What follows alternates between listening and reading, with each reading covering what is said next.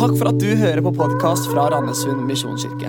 Denne talen er spilt inn på en av våre gudstjenester, og vår visjon er å hjelpe mennesker til tro på Jesus og et liv med Han. Gå inn på mkirken.no eller Randesund misjonskirke på Facebook for mer info.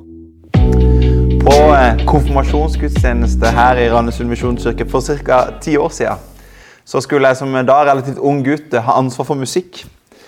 Og Gudstjenesten kommer godt i gang med en åpningssang, og salen er fylt til randen med ca. 500 gjester. Og Når vi går ned på plassene våre igjen etter første låt, og setter oss godt til rette, så finner jeg ut at jeg må benytte anledninga til å gå en rask tur på do. Jeg dobbeltsjekker programmet, sjekker at jeg har litt tid, og ser der er det et rom.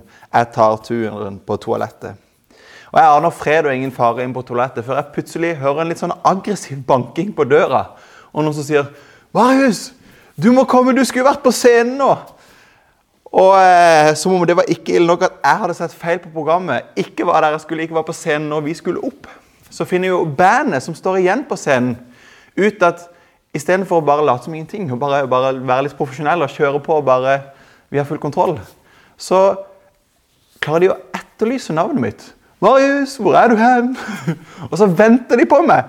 Så alle der skjønner at uh, her er det noen som mangler. De etterlyser meg mikrofonen. Og jeg kommer opp i midtgangen, litt sånn i hastverk, og hele salen sitter og flirer og ler, for de skjønner at her kommer han som ikke var på plass når han skulle. Uh, den dagen så kom vi jo gjennom programmet og neste låt, men jeg følte virkelig at jeg hadde svikta på en stor dag.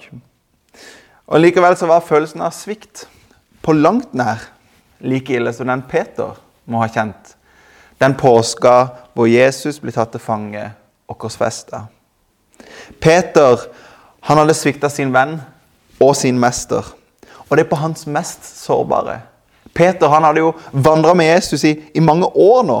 Han hadde sett Jesus gjøre de utroligste under. Han hadde hørt alle Jesus sine undervisninger. Peter han hadde fått gått på vannet sammen med sin mester. Han hadde sett hans herlighet på fjellet sammen med noen få andre disipler. Men nå hadde han fornekta alt sammen.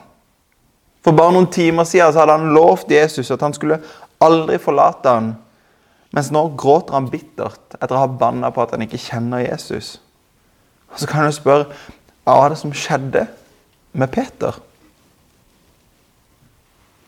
Vi er i dag i starten på en helt ny taleserie som heter 'Påsken som forvandla alt. Den siste påsken hvor Jesus vandra her på jorda, den var ekstremt dramatisk og svært innholdsrik. To tredjedeler av evangeliene handler om nettopp denne påska her. Og I denne serien skal vi forsøke å se på denne påska gjennom øynene til de som faktisk var der. De som kjente dette på kroppen, de som så det med egne øyne.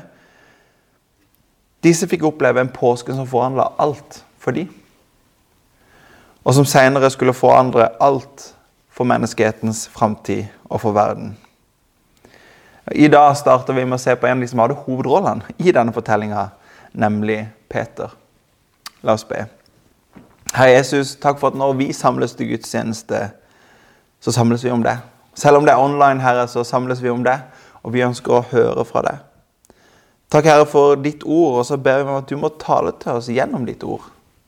Takk for at jeg kan få lov til å skape noe nytt i våre liv akkurat der vi er i dag. Herre, jeg har lyst til å be om at du må møte oss med alt det som foregår i våre liv, med det vi kjenner på, der vi er. Jeg ber om det i Jesu navn. Amen. Det er jo ikke enkelt å forstå hva som skjedde med denne disippelen. Den frimodige og impulsive disippelen som hadde fulgt Jesus i lang tid. Han hadde ikke bare lært Jesus å kjenne gjennom disse årene, men han hadde lært Jesus å elske. Peter elska Jesus, sin venn og sin mester. Og der han gråter bittert etter sviket, så må han ha tenkt på disse spørsmålene som jeg tenker på når jeg leser historien. Hva var det som skjedde med Peter? Hvordan endte han her? Og hvordan skal dette gå nå? Og I et forsøk på å svare på disse spørsmålene så skal vi bli litt bedre kjent med Peter.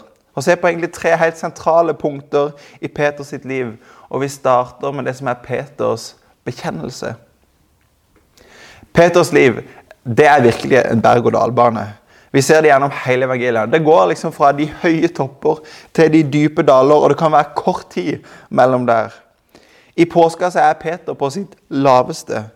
Men vi skal ikke langt tilbake i tid før Peter har en helt annen frimodighet enn det vi ser i denne påska. Jesus han har tatt med seg disiplene til Cesarea Filippi. og Der stiller han dem et spørsmål, og vi leser fra Matteus kapittel 16. Da Jesus kom til distriktet rundt Cesarea Filippi, spurte han disiplene sine, 'Hvem sier folk at menneskesønnen er?' De svarte, 'Noen sier døperen Johannes, andre Elia, andre igjen Jeremia eller en annen av profetene.' Og dere, spurte han, 'Hvem sier dere at jeg er?' Da svarte Simon Peter, 'Du er Messias, den levende Guds sønn.' Jesus spurte først disiplene om hvem andre folk sa at menneskesønnen var. Og Det er alltid lettere å svare på hva andre mener, enn hva du sjøl mener. Men Jesus han skrur opp temperaturen et hakk og gjør det med et litt mer personlig. Hvem sier dere at menneskesønnen er? Og Spørsmålet det går til alle disiplene.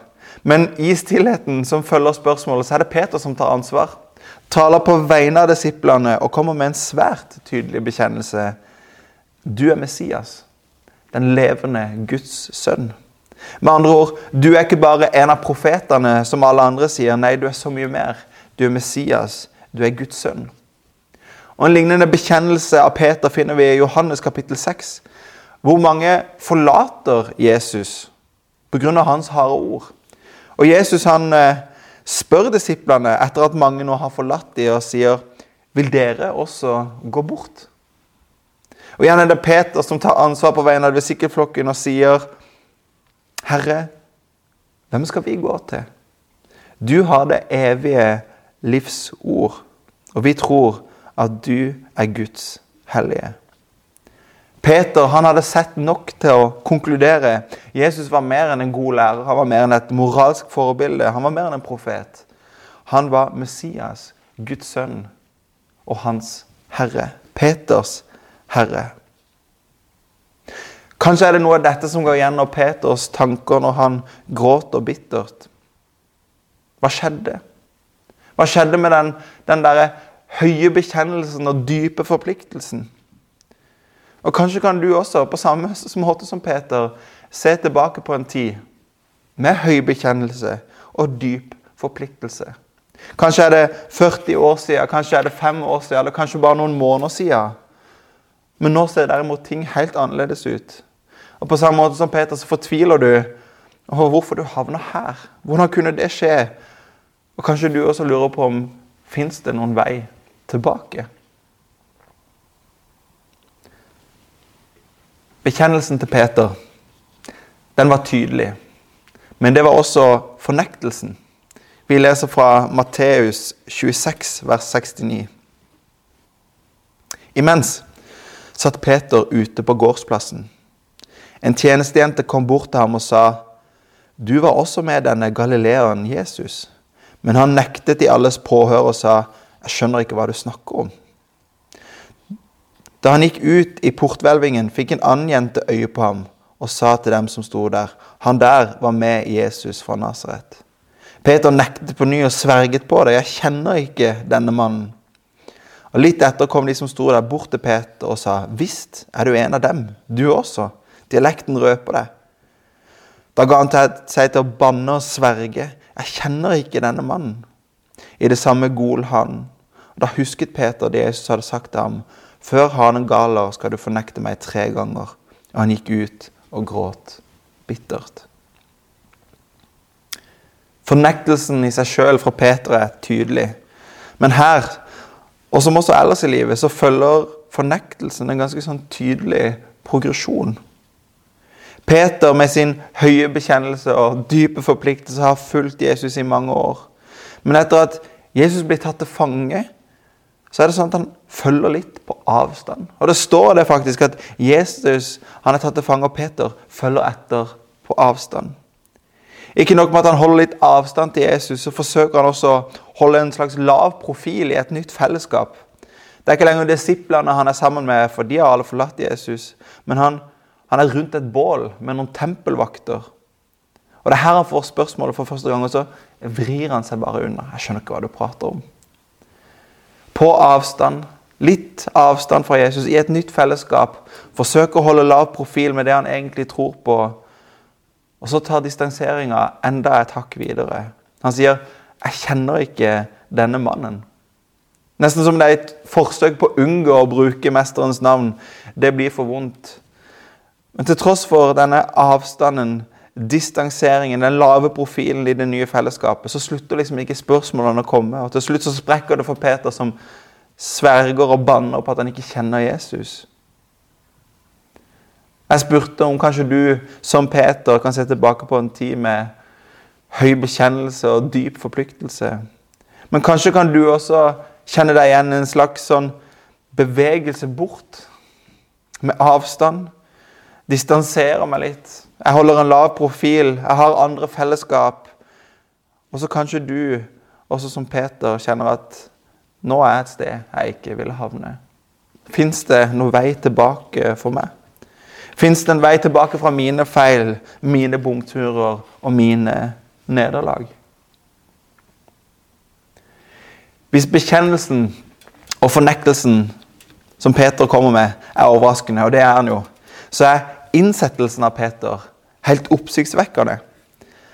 Hvis vi skal være helt ærlige, så ville jo Peter fort vært avskrevet som leder i våre sammenhenger. Og faktisk så er dette en sånn debatt i kirkehistorien på flere steder. Kan en leder som f.eks. For fornekter sin tro under forfølgelse og tortur, kan han få muligheten til å vende om senere og bli gjeninnsatt som leder? Det er lett å tenke at Peter må ha avskrevet seg sjøl. Men faktum er at Jesus hadde ikke avskrevet han, og det blir veldig tydelig til tross for Peters enorme skam, som har prega han i tida etter Jesu død, så gjør Peter noen interessante valg. Istedenfor å fortsette å gjemme seg vekk, være på avstand og forlate disippelfellesskapet, så står det at han lener seg inn. Han holdt seg sammen med disiplene. Det er jo sånn at Når skammen på en måte tar tak i oss, så driver den oss ofte bort fra det vi virkelig trenger. Det som virkelig hjelper. Fellesskapet, bekjennelsen, tilgivelsen. Det vil vi helst holde oss unna. Men Peter han holdt seg altså sammen med disiplene. Og det er her vi finner han i Johannes kapittel 21, vers 1, hvor det står Siden åpenbart seg Jesus enda en gang for disiplene ved Tiberiasjøen. For her er Peter og flere av disiplene sammen og fisker. De var jo rutinerte fiskere før de traff Jesus, og på mange måter er de tilbake der de var når Jesus traff dem for første gang. Til tross for sin fiskererfaring så var det ingen fiskelykke denne dagen her. Den natta hadde de ikke fått noe som helst. Og da morgenen kom, så sto det en mann på stranda som spurte om de hadde fått noe fisk. Og det hadde de jo ikke, så han ber de kaste ut garnet på høyre side av båten i stedet. Her må jo Peter ha begynt å ane, kjenne igjen en lignende opplevelse fra en annen gang sammen med Jesus. Og Kanskje fylles han et litt sånn ørlite håp om er det Jesus. Og Kanskje er det det håpet som får han til å faktisk kaste garnet ut på andre sida av båten. For de kaster garnet ut, og garnet blir så fylt med fisk at de har ikke sjans til å få det opp. Disippelen Johannes som sitter sammen med Peter i båten, han skjønner hva som skjer. Det er Herren, sier han. Det er Jesus. Og om håpet på gjenforening med sin venn og sin mester ikke var stort nok allerede for Peter, så blir håpet så stort at, at Peter mister det fullstendig. Han kaster seg ut i vannet, svømmer i land mot Jesus som står der inne på stranda. Og til tross for at han sikkert fylles av håp og glede over å treffe sin mester igjen, så er jeg sikker på at skammen skriker ganske høyt på Peters innside. Hva vil Jesus si? Det siste jeg gjorde, var å fornekte hans navn. Men Jesus han sier ingenting. I stedet så begynner han faktisk å stelle i stand til måltid. Men etter måltidet så kommer denne samtalen som Peter hadde vært så spent på. Og Akkurat disse versene her er jeg så utrolig glad i. Peter han må ha avskrevet seg sjøl etter sin fornekkelse. Men Jesus hadde ikke avskrevet Peter. Jesus han kommer ikke med noen skyllebøtte, formanende ord eller dom for Peter. Han spør bare Peter elsker du meg. Elsker du meg, Peter? Han spør ikke bare én gang, han spør tre ganger.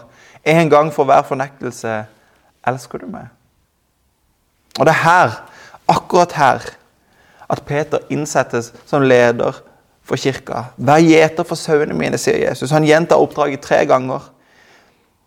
Det fantes en vei tilbake.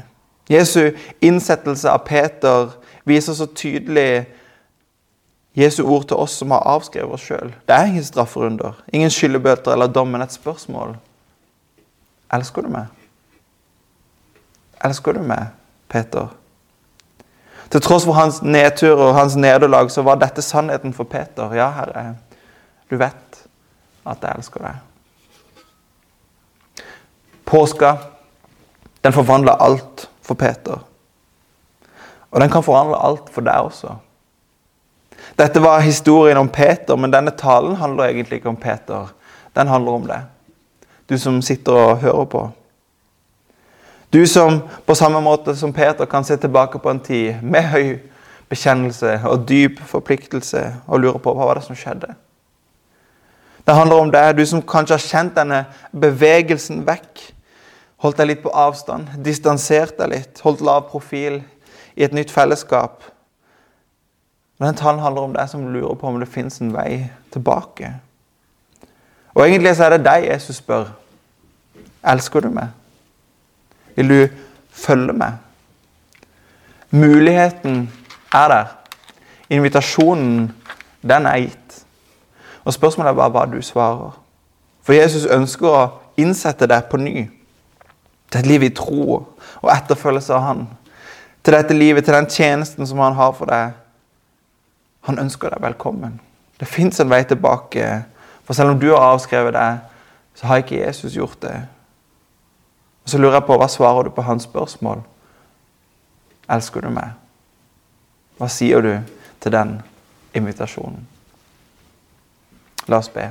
Herre Jesus, takk for at eh, du ikke avskriver oss, men du ønsker å invitere oss. Takker deg, Herre, for muligheten til å komme tilbake til deg. Takker deg, Herre, for midt i våre nederlag, våre feil, våre mangler, så kan du få lov til å møte oss der vi er. Og så kaller du oss tilbake til deg. Og du ønsker å innsette oss, Herre Jesus, til fellesskap med deg, til et nytt liv med deg, Herre. Takk for at vi får lov til å starte på ny. I din nåde og i kjærlighet til deg. Og vi får lov til å si ja på spørsmålet om vi ønsker å følge deg. Om vi elsker deg. Takk, Herre, for at det er først og fremst du som elsker oss. At du elsker oss først, og så får vi lov til å gi vårt gjensvar på den invitasjonen. I Jesu navn. Amen.